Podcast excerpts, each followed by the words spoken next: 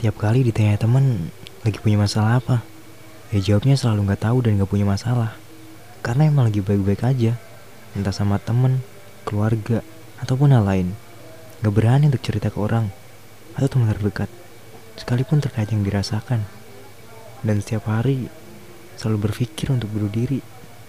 Terakhir sudah melakukan percobaan bunuh diri.